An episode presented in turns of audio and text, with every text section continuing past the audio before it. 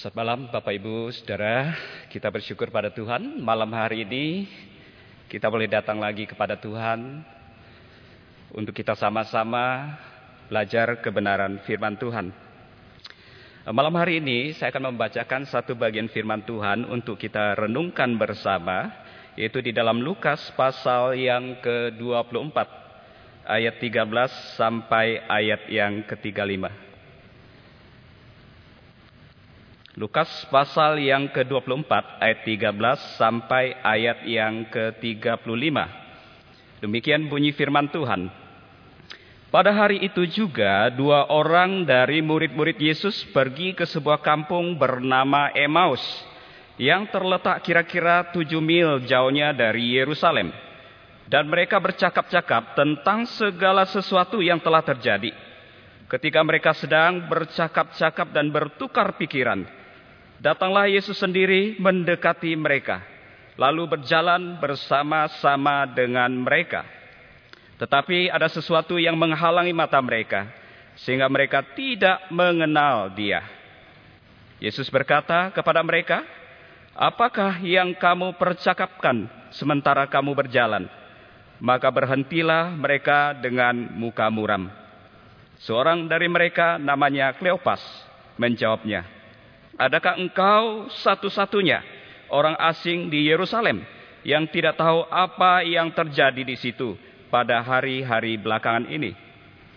Katanya kepada mereka, apakah itu? Jawab mereka, apa yang terjadi dengan Yesus orang Nazaret?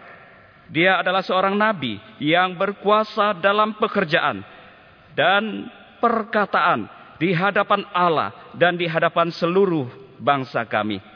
Tetapi imam-imam kepala dan pemimpin-pemimpin kami telah menyerahkan dia untuk dihukum mati dan mereka telah menyalibkannya.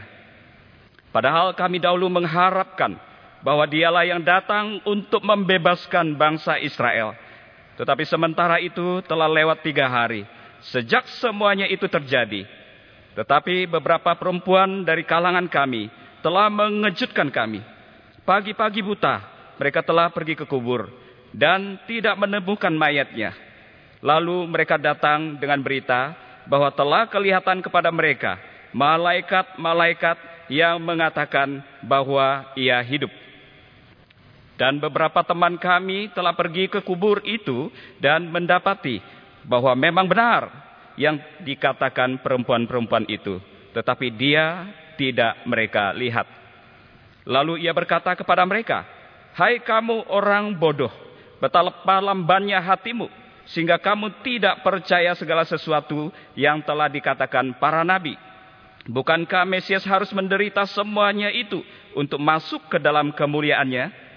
Lalu ia menjelaskan kepada mereka apa yang tertulis tentang dia dalam seluruh kitab suci, mulai dari kitab-kitab Musa dan segala kitab nabi-nabi.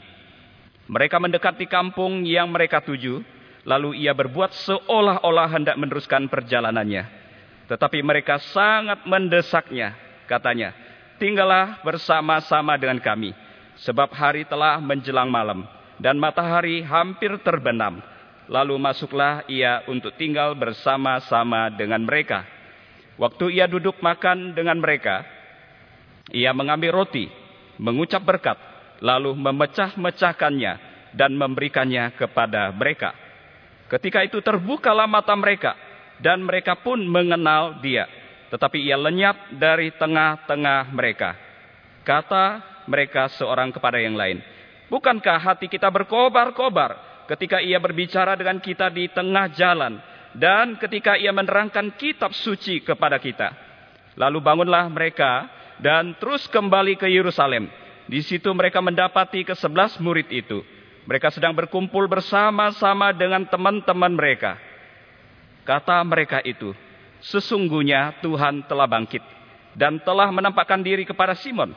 Lalu kedua orang itu pun menceritakan apa yang terjadi di tengah jalan dan bagaimana mereka mengenal dia pada waktu ia memecah-mecahkan roti. Bapak Ibu Saudara, kisah penampakan Tuhan Yesus kepada dua orang murid yang sedang berjalan ke Emmaus ini, ini sangat menarik perhatian daripada Lukas. Sehingga kalau kita melihat di bagian ini, sus kalian, Lukas menceritakan dengan begitu panjang lebar. Ada 23 ayat. Sementara kalau kita melihat di Markus hanya dua ayat saja. Nah Bapak Ibu Saudara, dalam kisah ini disebutkan seorang murid oleh Lukas namanya yaitu Kleopas. Tetapi yang satunya lagi tidak disebutkan namanya. Penafsir Alkitab mengatakan Lukas sengaja tidak menuliskan nama murid yang satunya. Kenapa saudara? Karena Lukas ingin mengajak para pembaca untuk seolah-olah turut hadir dalam peristiwa yang diceritakan itu. Dan demikian para pembaca atau kita semua yang saat ini membaca bagian ini bisa merasakan ikut disapa oleh pribadi yang tiba-tiba hadir di dalam perjalanan itu. Bapak Ibu Saudara, kedua murid yang diyakini dari kelompok 70 murid itu dikatakan pada hari itu juga, yaitu pada hari kebangkitan Yesus, mereka meninggalkan Yerusalem. Mereka pergi ke sebuah kampung yang bernama Emmaus. Dalam perjalanan ke kampung Emmaus yang kira-kira jaraknya 7 mil atau sekitar kurang lebih 11 km dari Yerusalem, dikatakan Yesus hadir. Yesus berjalan bersama-sama dengan mereka. Yesus bercakap-cakap dengan mereka. Tetapi ayat yang ke-16 mengatakan bahwa mereka tidak mengenali Yesus yang hadir itu. Karena ada sesuatu yang menghalangi mata mereka. Kembali penafsir Alkitab mengatakan bahwa ketidakpercayaan mereka akan Yesus yang bangkit membuat mereka tidak menduga bahwa pribadi yang sedang bercakap-cakap dengan mereka itu adalah Yesus yang sudah bangkit. Dan dalam pikiran mereka yang dipenuhi dengan bayangan Yesus yang telah mati di atas kayu salib itu juga telah menghalangi pengenalan mereka akan Yesus yang bangkit itu. Bapak Ibu Saudara, kalau kita membandingkan dengan Markus 16 ayat yang ke-12, di situ Markus mengatakan bahwa kedua murid itu tidak mengenali Yesus karena Yesus menampakkan diri dalam rupa yang lain. Bapak Ibu Saudara, setelah kebangkitannya, memang Yesus sering kali tidak dikenali. Seperti dalam beberapa kisah. Yohanes 20 ayat yang ke-14, di situ mengatakan bahwa ketika Yesus menampakkan diri kepada Maria Magdalena, Maria Magdalena tidak mengenali Yesus. Maria Magdalena baru tahu itu adalah Yesus ketika Yesus memanggil namanya. Dalam Yohanes 21 ayat yang keempat, saat murid-muridnya berada di pantai Tiberias, Yesus datang, Yesus berdiri tetapi murid-muridnya itu dikatakan tidak tahu bahwa itu adalah Yesus. Padahal hari masih siang, hari masih terang, tetapi mereka tidak mengenali itu adalah Yesus. Dan dalam Matius pasal yang ke-28 ayat 17 juga menyebutkan bahwa ada beberapa orang yang ragu-ragu untuk menyembah Yesus. Mungkin mereka juga tidak yakin bahwa itu adalah Yesus yang telah bangkit. Jadi Bapak Ibu Saudara dapat dikatakan bahwa kehadiran Yesus dengan tubuh kebangkitan dan ditambah ketidakpercayaan mereka akan kebangkitan Yesus itulah yang membuat mereka tidak mengenali Yesus. Bapak Ibu Saudara, Kleopas dan teman seperjalanannya baru mengenali Yesus yaitu saat Yesus memecah-mecahkan roti dan memberikan kepada mereka. Tetapi di saat mata mereka terbuka dan mereka mengenali Yesus, dikatakan Yesus lenyap dari tengah-tengah mereka. Namun demikian, Bapak Ibu Saudara, penampakan itu telah memulihkan keadaan kedua murid Tuhan Yesus itu. Sehingga malam itu juga firman Tuhan mengatakan bahwa mereka kembali ke Yerusalem. Mereka berjalan lagi tujuh mil. Meski gelap, meski malam, meski berbahaya, meski melelahkan. Mereka tetap berangkat ke Yerusalem untuk mengabarkan kabar sukacita itu kepada murid-murid yang lain. Mereka mengabarkan bahwa benar Yesus telah bangkit dari kematian. Dan mereka adalah saksinya. Mereka telah melihatnya. Bapak ibu saudara, dari kisah ini, apa yang dapat kita pelajari? Berkaitan dengan tema kita malam hari ini, mengenal Yesus di perjalanan. Saya ingin mengajak kita untuk merenungkan tiga hal malam hari ini. Yang pertama, Bapak Ibu Saudara, Cerita Kleopas tentang Yesus itu menunjukkan betapa dangkalnya pengenalan akan Tuhan.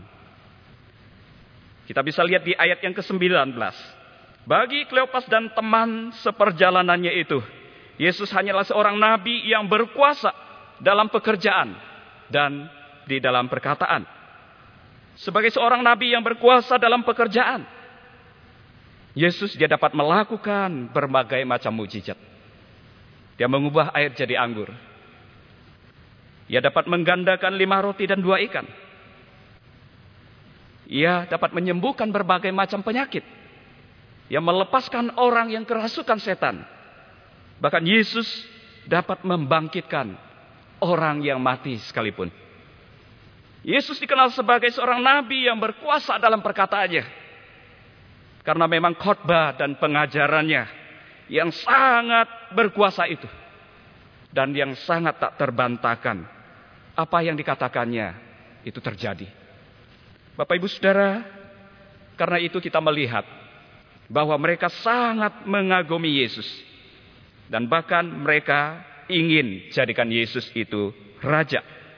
Mereka menaruh harap kepada Yesus untuk membangkit, membebaskan bangsa mereka, bangsa Israel dari penjajahan Romawi.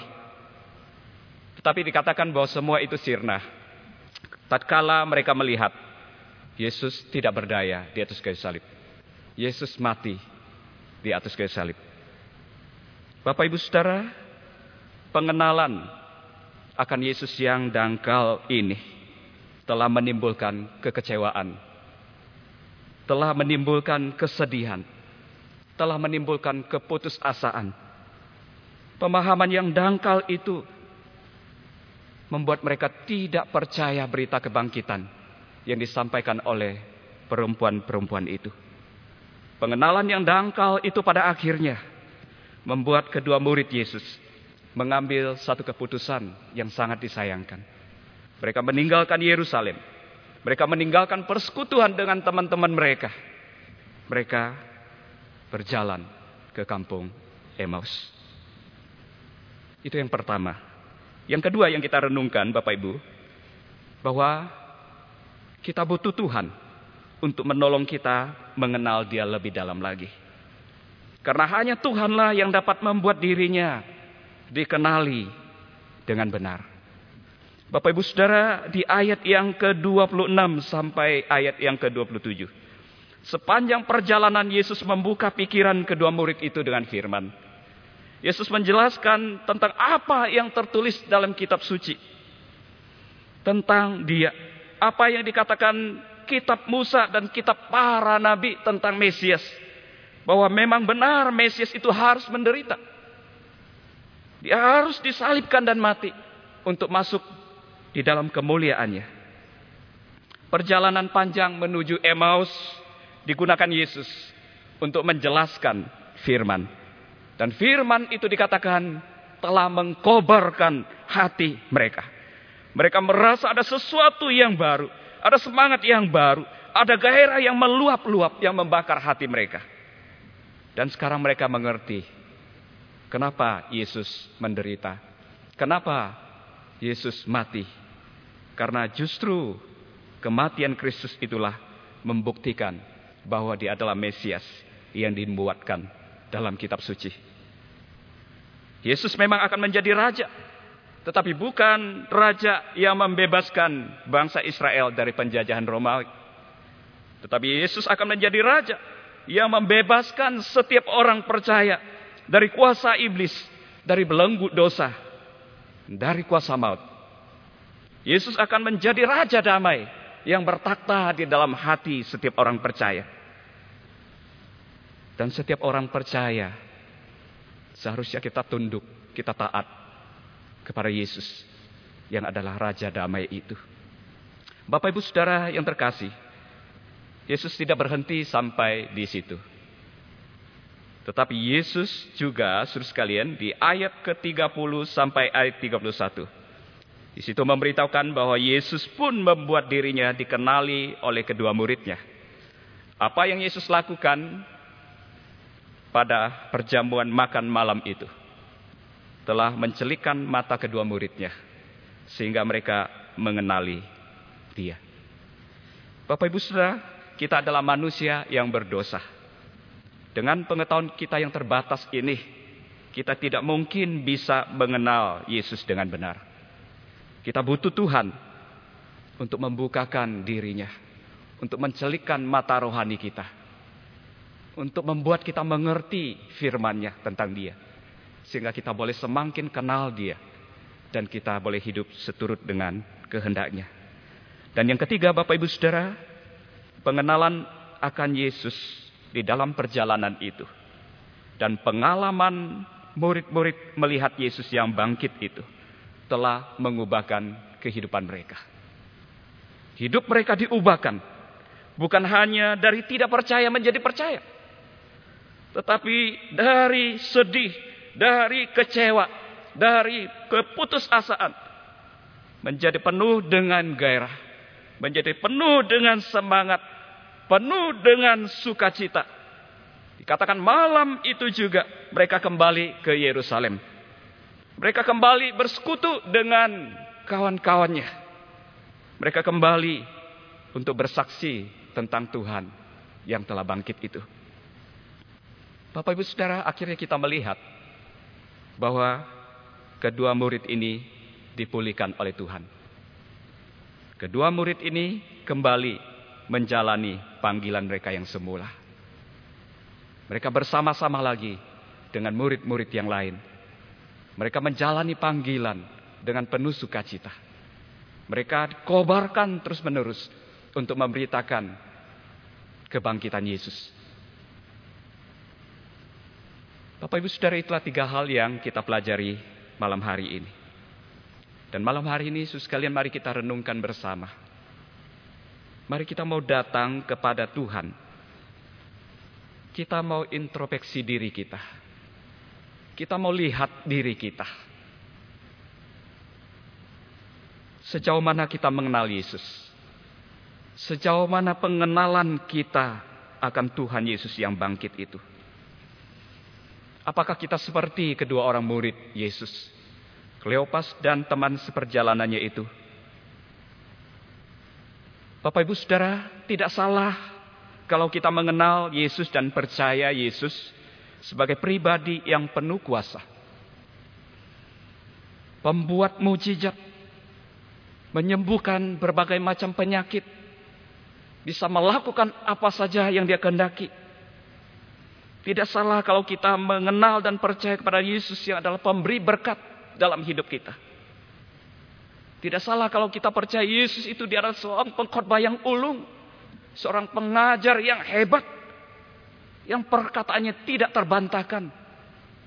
Yang melulukan hati setiap orang mendengarkannya. So tidak salah kalau kita percaya Yesus itu penuh kasih. Dia menyatakan kasihnya yang terbesar di atas kayu salib untuk kita. Dia mati bagi kita tetapi Bapak Ibu Saudara, kalau pengenalan kita kepada Yesus hanya sebatas itu, maka mungkin suatu saat kita akan seperti kedua murid itu yang kemudian kecewa dan meninggalkan Yerusalem karena mereka putus asa, harapan mereka tidak terjadi. Apa yang mereka inginkan dari Yesus mereka tidak dapatkannya. So, kalau pengenalan kita terhadap Yesus hanya sebatas itu, saudara, maka kita pun mungkin akan kecewa, putus asa. Saat ketika kita mengalami pergumulan yang berat dalam hidup kita, saat harapan kita tidak terwujud, saat sakit yang kita alami tidak sembuh-sembuh, saat orang yang kita kasihi meninggalkan kita, saat usaha kita semakin merosot, bahkan mengalami kebangkrutan, saat kita diperhadapkan dengan masalah keuangan. Di tengah-tengah pandemi COVID ini, kita bergumul dengan banyak hal. Dan mungkin saat kita alami persoalan yang berat. Di dalam pelayanan kita, di dalam gereja kita, dan sebagainya. Saat itu mungkin kita sudah datang kepada Tuhan. Kita mungkin sudah berdoa di hadapan Tuhan. Kita mungkin sudah bergumul sedemikian rupa. Kita sudah berseru kepada Tuhan. Tetapi mungkin bagi kita, Tuhan sepertinya tidak menjawab doa kita. Bapak Ibu Saudara, dalam kondisi seperti ini, kalau kita hanya mengenal Yesus sebatas itu, maka saya yakin mungkin kita akan kecewa. Kita akan putus asa. Bapak Ibu Saudara, maka malam hari ini kita perlu minta belas kasihan Tuhan. Kita perlu sekali lagi datang dengan kesungguhan hati kita kepada Tuhan. Kita perlu memohon Tuhan untuk teguhkan kita kembali melalui firman-Nya. Kita perlu mohon Tuhan kobarkan lagi hati kita. Di dalam kita melayani dia. Agar kita pun terus dipakai. Menjadi saksinya di tengah-tengah dunia ini. Kita perlu minta Tuhan sekali lagi menyatakan dirinya kepada kita. Agar kita boleh semakin kenal dia. Agar kita semakin mengerti kehendaknya. Sehingga di dalam perjalanan hidup kita. Apa pun yang terjadi. Kita boleh tetap teguh. Kita tidak menjadi kecewa. Dan meninggalkan Tuhan. Bapak ibu saudara biarlah itu boleh menjadi kerinduan kita malam hari ini. Kita mohon kepada Tuhan. Untuk berbelas kasihan pada setiap kita. Mari kita tundukkan hati kita di hadapan Tuhan. Dan biarlah setiap kita masing-masing kita datang kepada Tuhan. Tuhan tahu keterbatasan kita untuk mengenal Dia. Dan kerap kali kita menjadi kecewa karena pengenalan kita yang terbatas. Dan karena pengalaman-pengalaman yang buruk yang kita alami. Di mana kita merasa Yesus membiarkan kita. Yesus tidak peduli dengan kita. Yesus tidak menjawab doa kita. Padahal dia mengerti kita. Dia tidak membiarkan kita berjalan sendiri di dalam kekecewaan. Di dalam keputusasaan. Dia adalah gembala yang baik. Dia hadir. Dia berjalan bersama dengan kita. Dia mencari kita yang sedang menuju di dalam ketersesatan karena pengenalan kita yang dangkal terhadap Dia. Bapak Ibu Saudara, mari kita datang kepadanya sekali lagi. Kita mohon kemurahan Tuhan. Kita mohon belas kasihan Tuhan bagi setiap kita. Untuk mencelikkan mata rohani kita sekali lagi. Sehingga kita boleh melihat kemuliaannya sehingga kita boleh mengalami kuasa kebangkitannya. Dan kuasa kebangkitannya itu boleh memulihkan hidup kita. Boleh membangkitkan semangat kita. Boleh mengkobarkan hati kita kembali. Untuk setia mengikut dia. Untuk setia melayani dia. Untuk setia bersaksi tentang dia.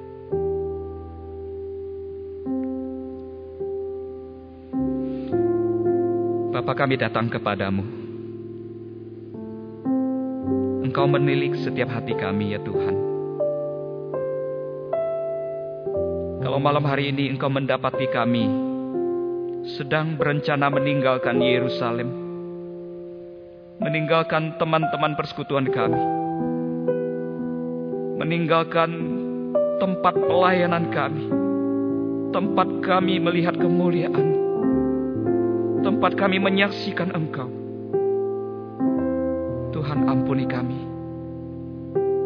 Tuhan berikan lagi firman-Mu Nyatakan lagi dirimu sekali lagi. Supaya kami boleh diteguhkan kembali. Dan kalau kami sedang dalam perjalanan ke Emmaus, Tuhan hadirlah bersama dengan kami. Tuhan hadirlah untuk kami. Kami sangat membutuhkan Engkau, Tuhan. Kami sangat membutuhkan Engkau.